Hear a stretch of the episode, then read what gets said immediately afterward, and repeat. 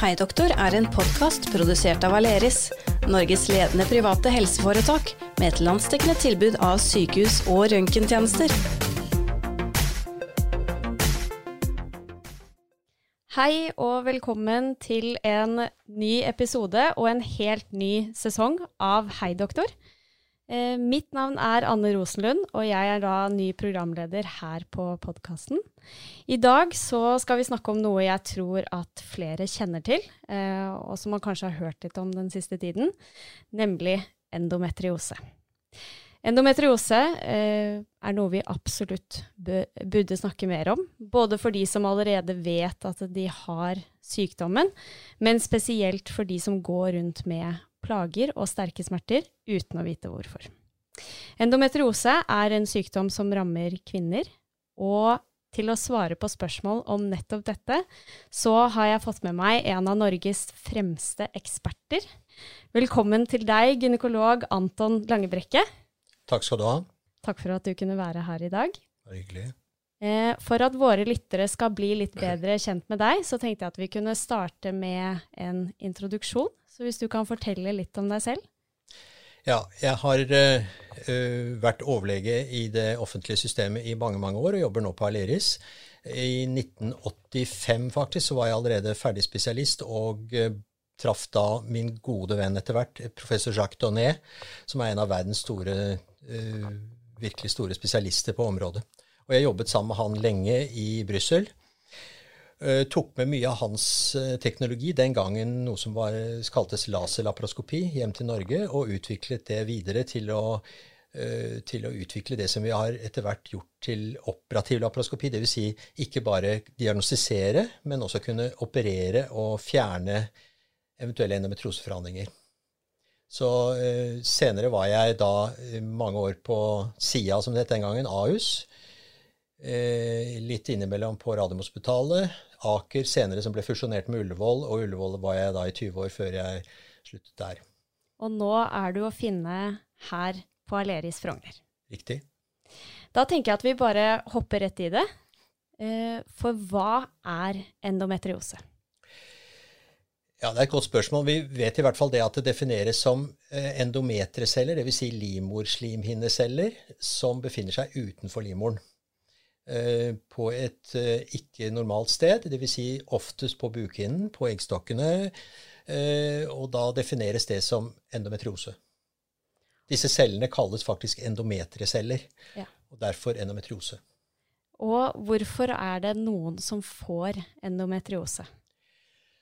Ja, hadde jeg hatt det gode svar på det, så tror jeg jeg hadde fått Nobels fredspris. Eller medisinsk, ikke fredspris, men uh, Nobelprisen i medisin. Men det er mange teorier om det. Og fremdeles så gjelder kanskje den teorien med retrograd menstruasjon. Dvs. Si at uh, mange uh, blør retrograd og sender disse cellene gjennom egglederne inn i bukhulen. Men dette er nok ikke den hele sannhet, for de fleste kvinner gjør det.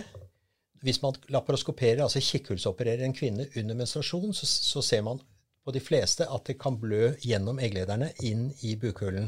Og da sender man automatisk noen av de cellene inn i buken.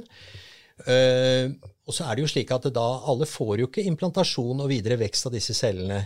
Så det må være en del som bekjemper dette med uh, de såkalte makrofager og killer cells, som tar hånd om det selv. Så hvorfor er det noen som ikke tar de bort? Mm. Så det, til syvende og sist tror vi også at det er en god del immunologiske årsaker. Noen bekjemper ikke de cellene på normalt vis mm. og lar det vokse videre. Og da får vi dette vevet ja. som kan sette seg litt forskjellige områder i, Ja. Og det setter seg De aller fleste start, har det som regel nede i bekkenbunnen, bak livmoren, ned mot endetarmen, og bukhinnen. Hvis man er klar over det, den dekker ikke bare foran, men den dekker alle indre organer. Og, og bukhinnen er ofte det vanligste stedet at de, eh, de, disse cellene setter seg fast. Mm. Eh, og hvordan, hvordan, vet man da at man har endometriose? Eh, er det sånn at dette vevet kan gi noen symptomer? Ja, altså hvis jeg har en pasient som søker med spørsmål om endometriose, så bruker jeg som regel å gå helt tilbake til den gangen de startet å menstruere, dvs. Si med narke heter det, og spør for det er en del ledende ting, og det er bl.a. det at uh, hvis du har f.eks. fravær i skoledagene, hver menstruasjon, uh, allerede som ung pike. Oppstart av p-piller pga. menssmerter, ikke pga. prevensjon. Det er allerede litt veiledende, pluss selvfølgelig familiehistorien. Den er også viktig. Ja, for dette, dette kan være arvelig, eller?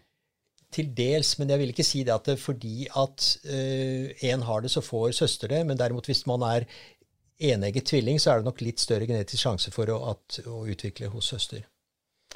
Men, men uh, det er en viss genetikk, ja.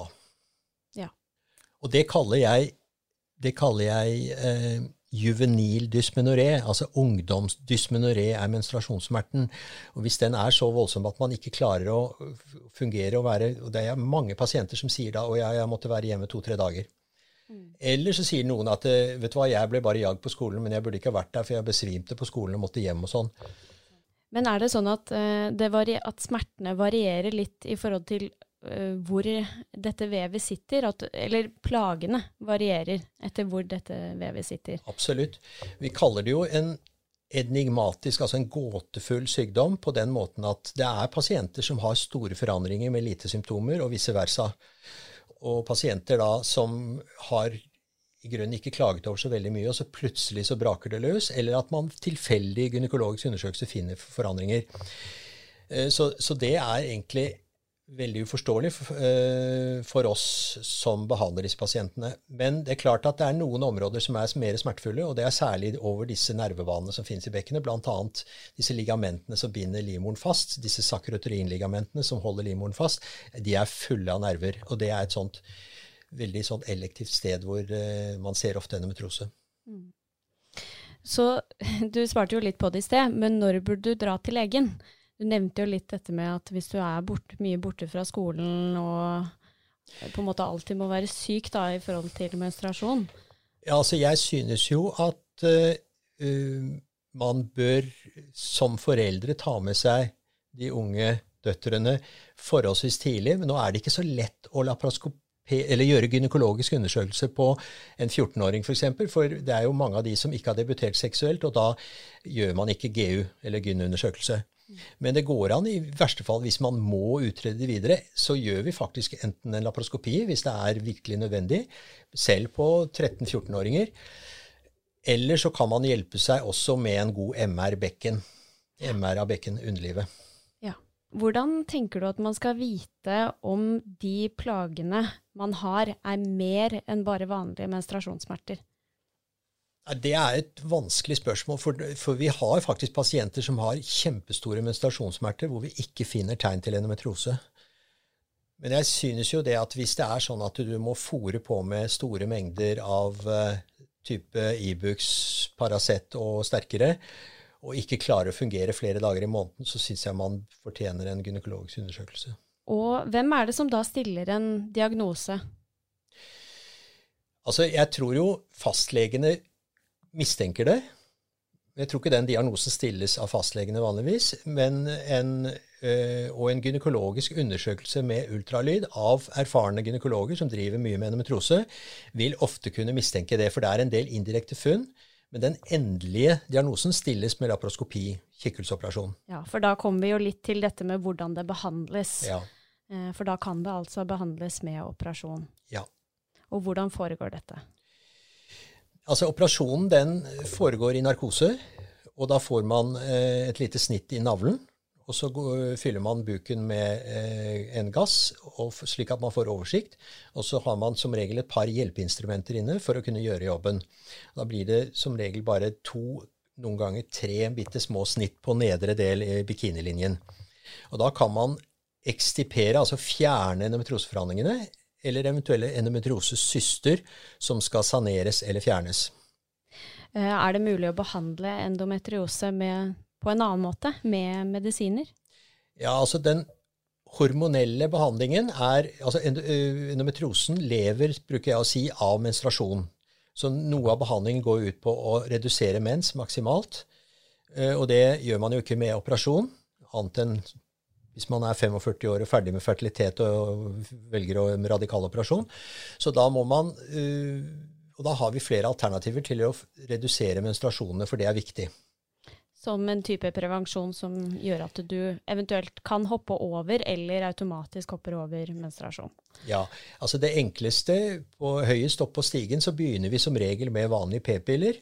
Eller minipiller også går det an å forsøke, selv om den er ofte litt svak. Eh, de reduserer menstruasjon betydelig. Problemet med rene progesteronmedisiner, minipiller eller lignende, det er ofte at det gir veldig langvarige småblødninger. Og pasienter med endometrose har ofte mer vondt hvis de blør igjennom. Men vanlige p-piller vil vi at skal tas kontinuerlig inntil de begynner f.eks. å blø, og da kan man heller ta en ukes opphold og blø det bort, og forberede seg litt på at det kanskje gjør mer vondt den uken. For da, da tenker jeg litt på den uh, myten med Er det farlig å hoppe over menstruasjon? Uh, nei, det er det absolutt ikke. Så vi, vi, tror jo egentlig at det er mye riktigere, særlig for denne metrosepasienten, å redusere menstruasjoner maksimalt, så lenge man bruker medisiner på det. Noe annet er hvis man hopper over menstruasjoner i evigheter uten å bruke noen hormonelle midler. Det, da blir vi litt opptatt av hvorfor det, liksom. Sånn at det er overhodet ikke farlig å hoppe over menstruasjon. Eh, for å se litt tilbake på de symptomene som vi snakket om i sted. Eh, kan endometriose forveksles med andre sykdommer? Ja, jeg, det kan det nok. Eh, jeg tror det er mange IBS-pasienter som seiler under feil diagnose. Jeg tror også det er noen med irritabel blære som har, kan være rett og slett endometriose på blæretaket. For blærebukhinnen dekkes Altså Bukhinnen dekker også blæretaket, og der eh, er det ofte en metroseforhandling å se. Særlig de to tingene kan man jo øh, øh, forveksle endometriose med.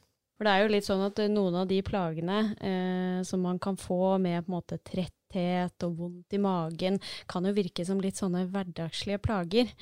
Men eh, da litt sånn som du nevnte i sted, at hvis dette skjer hele tiden, så er det verdt å sjekke ut. Ja, altså Vi har jo mer og mer blitt opptatt av at endometriose er en inflammatorisk sykdom. Skaper en inflammasjon i kroppen. Og derfor fatigue, subfebril, altså litt temperaturstigning, utmattethet Alt disse tingene henger sammen med akkurat som de andre inflammatoriske sykdommene. Opplever du at uh, mange med endometriose har hatt disse plagene i flere år, eller er dette en sykdom som man som regel finner ut av tidlig? det er altfor mange pasienter som kommer sent til denne diagnosen. I store studier har det vært syv til ni år delay mellom oppstart av menstruasjonsplager til diagnosen blir stilt. Eh, så det er fremdeles noe som kan gjøre, men jeg opplever jo i og for seg at det informeres mer og mer, særlig de senere dager nå, hvor det har vært fokus mye på endometriose, og at jeg håper at denne tiden reduseres. Eh, men de som kommer til deg, er dette da i forbindelse med at de prøver å få barn og kanskje ikke får det til, eller er det rett og slett eh, dette med smerten at de ikke orker å gå lenger med det? De som søker meg eller oss som gynekologer, er begge deler. Det er enten eh, pasienter med vanskelige menstruasjonssmerter. Etter hvert kan de menstruasjonssmertene dra seg ut til hele måneden, så det er ofte som regel så følger smerten ditt syklus, men den kan etter hvert utvide seg, og til slutt så klarer de ikke helt å se hvor, når og hvor det gjør vondt. Men også da selvfølgelig de som ikke blir gravide. Det er én gruppe som er litt spesielle. Vi ser mange pasienter har stått mange år på p-piller og hatt det rimelig bra. Og så seponerer de, eller slutter altså med p-pillene for å bli gravide, og da plutselig så oppdager man store endometrioseforandringer. Så vi tror jo det at vanlige p-piller Det er ikke noe sånn 100% beskyttelse av endometriosen, men jeg tror det lindrer symptomene. Men det kan hende at det ligger og ulmer der likevel. Så jeg, hvis man har fått diagnosen endometriose, så tror jeg det kanskje det er viktig å gå Jeg hadde gått en gang i året til en gynekolog. Tror du at det fortsatt er eh, mange kvinner der ute som sitter med store smerter, og som ikke nødvendigvis får den behandlingen de trenger? Ja, Det er et vanskelig spørsmål, men jeg tror jo det er slik som vi ser det, for det er fremdeles mange som har ventet lenge. Så vi har hatt litt eh, snakk om å forsøke å informere på et tidligere plan, bl.a. kanskje helsesøstrene burde inn i bildet, mm. og begynne å informere litt om dette her i eh, ungdomsskolen. Ja. Eh, sånn at vi slipper å se de eh, senfølgene noen ganger, som kan være ganske dramatiske. Ja, og jo flere som vet om det, eh, jo mindre vil kanskje disse eh, symptomene bli på en måte avfeid, da. Ja. At, eh, det er flere som tar tak i det. Ja. Før vi avslutter i dag, så vil jeg bare si tusen takk til deg, Anton Langebrekke. Takk for at du kunne være her i dag og sette lys på endometriose. Ja. Jeg håper at uh, dere som har lyttet til episoden, har blitt litt klokere på denne sykdommen. Uh, hvis du ønsker å vite mer om endometriose, eller opplever selv å ha sterke menstruasjonssmerter, er du også selvfølgelig hjertelig velkommen til Aleris.